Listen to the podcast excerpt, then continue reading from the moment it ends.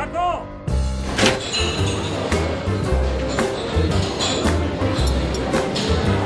Eh, Lluís, què fas? La, la gentada que hi ha, no? Sí, sí, I sí. això que el derbi es va jugar ahir. Veig, veig que a la tele el Paco hi té posades les motos, Esport 3. No, no, és que hem estat veient la cursa de moto. Ah, sí? Sí, I aquí hi no poseu el Madrid? Aquí a l'Snac hi ha molta afició a les motos perquè em, resulta que m'han explicat que el Paco va córrer les 24 hores de No m'ho puc creure. És veritat, Paco? Sí, sí, sí. Sí? De veritat? Èpoques aquelles del, del Benjamín Grau, del, del Min Grau, del Canyelles i tal, i... No, no, és un pioner, el O Paco. sigui, és, és eh, Paco va treballar, eh? m'ha explicat que va treballar a la, d'aprenent a, la, a la Derby. Carai, carai. En les èpoques que hi era Per tant, allà- està enganxat també això de les motos. Home, però, però, però, però, per la pròxima cursa el convides que tingui fer de comentarista al Paco, eh? Home, doncs et fot una no et m'ho diguis dues i et vegades. Una, I et fot una lliçó No magistral, m'ho diguis eh? dues vegades. Eh, escolta, el Madrid està empatant, eh? Amb, eh, amb l'Òscar. Sí, però el Paco m'ha dit- guanyant, no? El Paco m'ha dit, no canviem ni de canal, perquè, perquè el Madrid ja acabarà fotent 5 bé. De fet, m'ha recordat, van venir aquí al Camp Nou i també va començar guanyant i al final se'n van Van acabar emportar vuit. perdent 8 a 2, és Sí, veritat, se'n tens raó. emportar 8. Tens O sigui que tranquils i, no ens amoïnem gaire per aquest partit. Bé, escolta, vas venir aquí a l'Snac ahir per veure el derbi? Vaig venir abans del partit a fer un talladet. I què? Ja, Bé, o sigui, gent- a, a, els derbis es viuen amb passió. La gent parlava més de, de, de, de l'entrevista aquesta del Piqué en el programa aquest, La Resistència, que, que, que gairebé del partit. I després, quan va acabar el partit, vaig tornar a passar per aquí i va quedar molt contenta i molt satisfet amb Malcolm. Tothom em parlava de Ah. Malcolm. Escolta'm, com és que a aquest nano no li donen més bola, no li han donat més oportunitats, s'ha estimat Valverde més fer jugar a Coutinho d'extrem quan no és extrem, i ha sortit eh, 20 minuts i li ha donat una profunditat i una, i una velocitat i un desequilibri a la banda esquerra. Tot el que no agrada a Coutinho eh, sí que ho agrada a Però, Malcom. però fixa't una cosa, els minutets que va jugar Coutinho de migcampista, no vas veure un Coutinho diferent? Home, és molt dir, eh? Però bé, sí. Sí, no, no seria el seu pitjor partit. Jugant en aquesta posició. Ara, quan, quan el fan jugar d'extrem, allà s'ofega. A més, me li munten aquestes defenses tancades com ahir la de l'Espanyol i me li fan dos i tres contra un i clar, no, no, no té espai per on, per on sortir. Però la gent va quedar molt contenta, sobretot de Malcolm, i de que Valverde va saber moure les fitxes i va intervenir en el partit per acabar donant... Bé, de fet, el que va acabar intervenint en el partit va ser, va ser Leo Messi quan va llançar aquella falta i va dir, escolta'm, aquí s'acaba aquí s'acaba el bròquil, no?, el que s'estava donant. Bé, escolta'm, ahir el derbi, eh, més enllà d'aquest 2 a 0 eh, i el fet que el Barça refermi lideratge, al final de la TDT, no sé si estàs al cas, el Jordi Borda va Sí, explicar vaig aquesta sentir alguna notícia cosa, en què cosa, sí. assegura que Erika Vidal ho té tot tancat amb Griezmann, falta, això sí, que el president Bartomeu doni l'hoquei, és a dir, l'última paraula la té el president, però el jugador està convençut en venir a l'estiu, 120 milions d'euros, i tot estaria preparat perquè el president digui, ok, fitxem-lo. El culer, t'he de dir que avui hem Per fet enquesta, un- mira, 85% dels nostres Diu que no. enquestats diuen que el Barça no ha de fitxar Griezmann. Però és que a sobre encara et diré una cosa, faltaria un, un, un, un segon element o un tercer element, vendre Coutinho.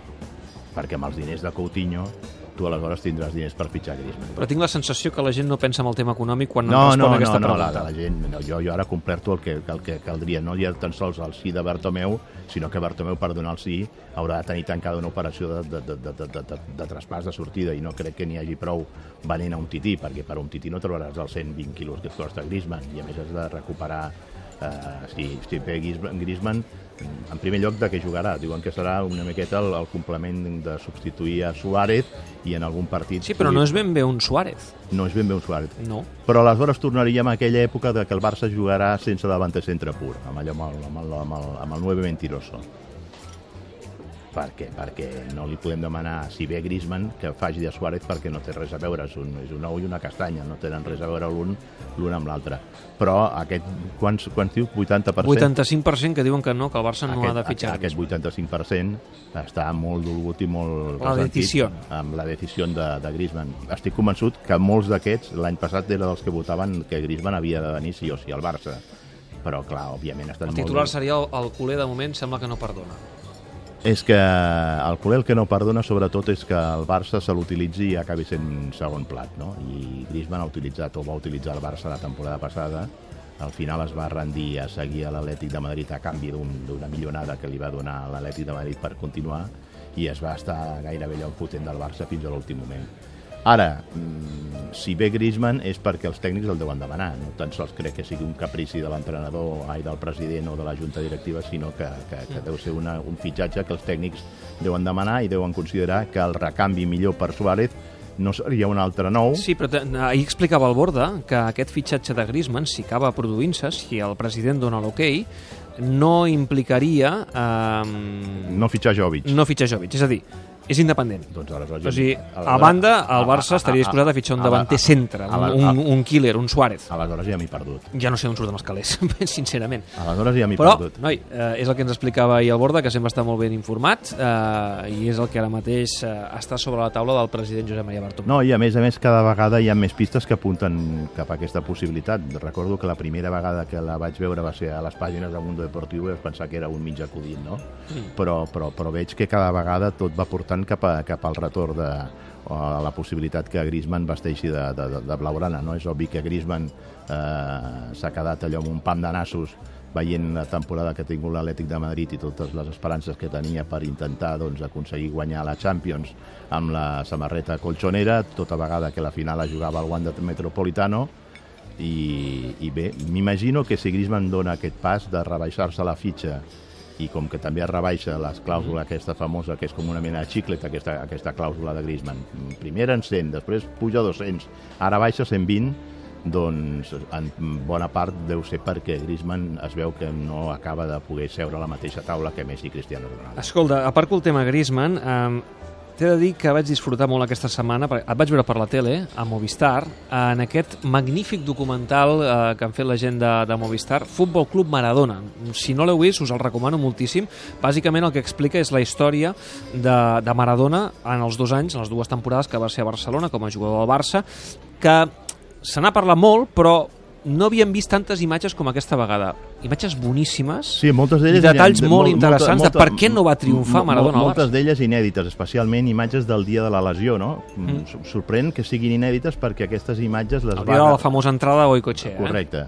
Aquestes imatges les van registrar eh, la- l'empresa, la Maradona Productions, la, la, la societat, l'empresa que, que li portava tot el tema de màrqueting, perquè el primer galàctic, i això ho diu molt bé en el reportatge Quique Guaix, el primer futbolista galàctic que hi va haver va ser Diego Armando Maradona, no? I darrere d'ell ja venia una empresa doncs, que tenia contractats uns càmeres, uns Això no era habitual, eh? que un jugador un futbolista tingués una empresa al darrere. Això no, passava. No, no, no, no, no passava, no passava. O sigui, Cruyff va venir amb representant, que era Cor Coster, però no tenia darrere d'ell una empresa. Home, Cruyff mm, en aquella època era conegut que Holanda cobrava per certes entrevistes. Aquí a Barcelona la veritat és que no va cobrar per cap.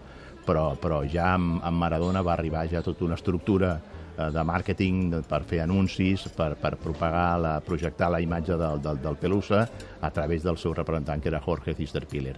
Doncs bé, eh, la Maradona Productions va gravar, perquè, perquè el seguia tots els partits, eh, imatges inèdites del, di, del dia de la lesió, especialment en el túnel de vestidors, quan, quan està en la llitera estès a terra esperant que vingui l'ambulància per Literalment a portar-lo cap la terra, clínica. eh? allà en aquell túnel on, on surten Però, els en canvi, cotxes, en aquest cas imatges l'ambulància. sorprèn, eh, David, perquè quan TV3 va comprar el reportatge de la recuperació de, la- de la lesió de, a la Maradona Productions, aquestes imatges no van sortir en el documental. Quan De fet, es veuen les imatges quan entra fins i tot a, a quiròfan. Perdona, i el, I mateix, i el mateix González Adrio allà cargolant Sí, cargolant sí, sí, sí. El, el, el, el turmell que lesionat de, de, de, de Maradona. Eh, eh, un documental Que on alguns s'han... diuen que, que es van deixar un, un tornillo allà dintre. Ah, sí?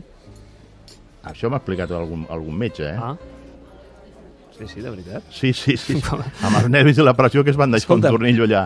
Ja, ja en sabíem eh, alguns detalls, però la veritat és que en aquest documental, que insisteixo, us el recomano moltíssim, Futbol Club Maradona, que podeu recuperar a través de Movistar i crec que també per YouTube eh, eh, circula i el podríeu recuperar, eh, se'n parla i molt d'aquest clan que hi havia al seu voltant, Mm. aquests amics que van aparèixer i que diuen el van portar per Que, mal camí. que, que no eren precisament els tois. Que el mal camí de Maradona comença a Barcelona. Sí, bueno, el mateix eh, Maradona en les seves memòries explica que el seu primer contacte amb la cocaïna el va començar a tenir aquí a Barcelona. Tot i que vam veure al documental que alguns exjugadors, excompanys com Carrasco i algun més Bueno, Carrasco és molt diuen bona. que Carrasco, ah, jo no vaig veure res. Carrasco és molt bona persona i, òbviament, doncs, no, no, no, no posarà en compromís a una persona que considera un molt bon amic com és el cas de Dio Armando Maradona, perquè, a més, Maradona sí que una cosa no se li pot negar, que era molt company dels seus companys Sí. i defensava els futbolistes eh, com, com, com, com el líder que era de vestidor. De fet, se'ls va guanyar gairebé de, de bones a primeres quan van anar a jugar un amistós A a, França, a la pretemporada, i el Barça, lògicament, tenia un cànon per jugar el partit, eh, si jugava Maradona, cobrava una quantitat i en tenia una altra si no jugava Maradona. I ell estava lesionat i va voler jugar. I, i Maradona, i Maradona s'emportava, li, li corresponia part d'aquest cànon que cobrava el Barça de més. Doncs Maradona va decidir, perquè els francesos van dir si no juguen amb Maradona no, No paguem. no paguem. I aleshores ell, mig lesionat, va jugar I ho va repartir entre i tot després el va parlar amb Carlos, va dir, jo juego a canvi de que els diners que meus jo, calés- que els meus calés vagin repartits entre tot el vestidor. A partir d'aquell dia Maradona es va guanyar a tota, a tota la plantilla. Per tant, um, El clan, com pots confirmar clan. que l'addicció de Maradona a les drogues comença a Barcelona? És que ho diu Maradona en, el seu, en les seves memòries. I el mateix Núñez, en alguna ocasió així, molt off the record, a mi m'havia comentat que en el moment de prendre la decisió de la seva marxa, del seu traspàs al Nàpols, va pesar el fet de que ell tingués un informe de la policia on ja li parlava d'aquesta relació de, de Maradona i del clan de Maradona És a dir, que la amb policia els cocaïna. tenia controlats. Però escolta'm, si en una ocasió en aquest eh, restaurant pizzeria que freqüentaven, que estava aquí darrere, de Corrientes... 3, 3, 2, 4, Que ja no existeix, eh? Que no existeix, doncs va entrar la policia i va fer com una mena de redada i els va posar, de, es va posar de cara a la paret començant per Maradona Maradona. inclòs. Començant per Maradona. Començant per Maradona, però com que era Maradona, tot allò es va tapar, no? Mm. La història de Maradona amb, amb el Barça és la història del que va poder ser i no va ser. Que, que aquesta és una miqueta la sensació que li És va veritat que quedar. va patir una hepatitis en la primera temporada i la segona l'entrada de Goicoechea. Hepatitis, entre cometes. perquè és veritat que, i de fet tu mateix ho apuntes al documental, Jo ho apunto, Que no jo és- ho apunto i ho remata el Fabián Ortiz, Mm. Que per relacions de parella que tenia en aquell moment, que, que treballava Mm. a la Maradona Produccions, confirma que allò no va ser una hepatitis. I jo apunto el, el comentari, el rumor que, que es va fer molt extensible de que allò havia estat una malaltia de, de, de contacte sexual. i també expliques altres coses més contundents com que...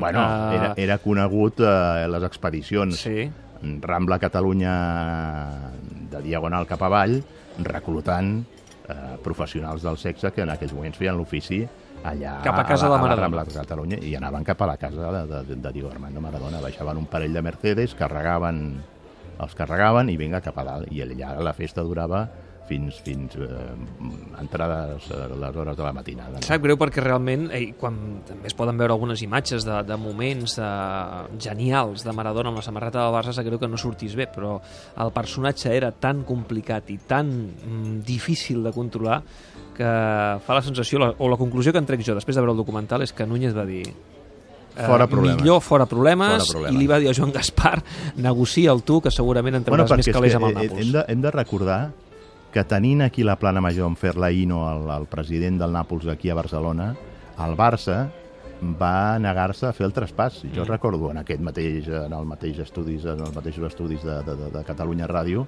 llegir el comunicat del Barça anunciant que es trencaven les ne- negociacions i que de cap de les maneres el Barça negociaria Sí, sí, el sí. traspàs al, al Nàpols. I aleshores va ser quan Maradona, acompanyat de Cister Piles, se'n van anar a les oficines que tenia eh, Núñez, a Núñez i Navarro al carrer Ugell, que té, eh? i allà eh, van forçar la seva sortida cap, a, cap, a, cap al Nàpols. El que passa que Maradona en el Nàpols va trobar va trobar el seu, el, seu, el seu millor hàbitat, perquè allà el Nàpols era un club molt controlat per la camorra napolitana i, i, i el van protegir i en alguna ocasió ha estat comentat i és eh, conegut que Maradona es va saltar algun control antidòping perquè canviaven, canviaven les mostres d'orina per un altre d'un altre jugador i així fe- aconseguien superar aquests controls antidòping. Quan Maradona es va enfrontar amb la Camorra i va creure que ell era més important i que no la necessitava, mm. aleshores va ser quan va començar el calvari de, de Diego Armando Maradona amb els controls antidòpings i amb les conseqüents eh, sancions per part de la FIFA. Per cert, em passa el Sergi Camps, eh, més detalls de la nostra enquesta, eh, ja et deia que la gent no vol a Griezmann, i també preguntem eh, quines són les raons per què no volen a Griezmann. 65% diuen que és pel tema de la decisió i un 35% per raons esportives. Eh? Ja veus que el tema Sí, de la perquè, decisió perquè, pesa. perquè és que jo no tinc gens clar de, de què jugarà Griezmann, perquè Griezmann juga Mm. de Messi.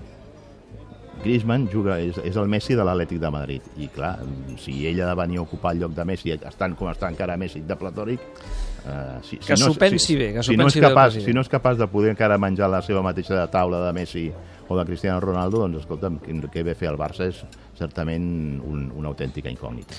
Lluís, eh, me'n vaig cap a dalt. Eh, M'ha agradat molt tant el documental de Maradona com també parlar-ne amb tu avui aquí a l'Snac Barça. Setmana Vinga. que ve més.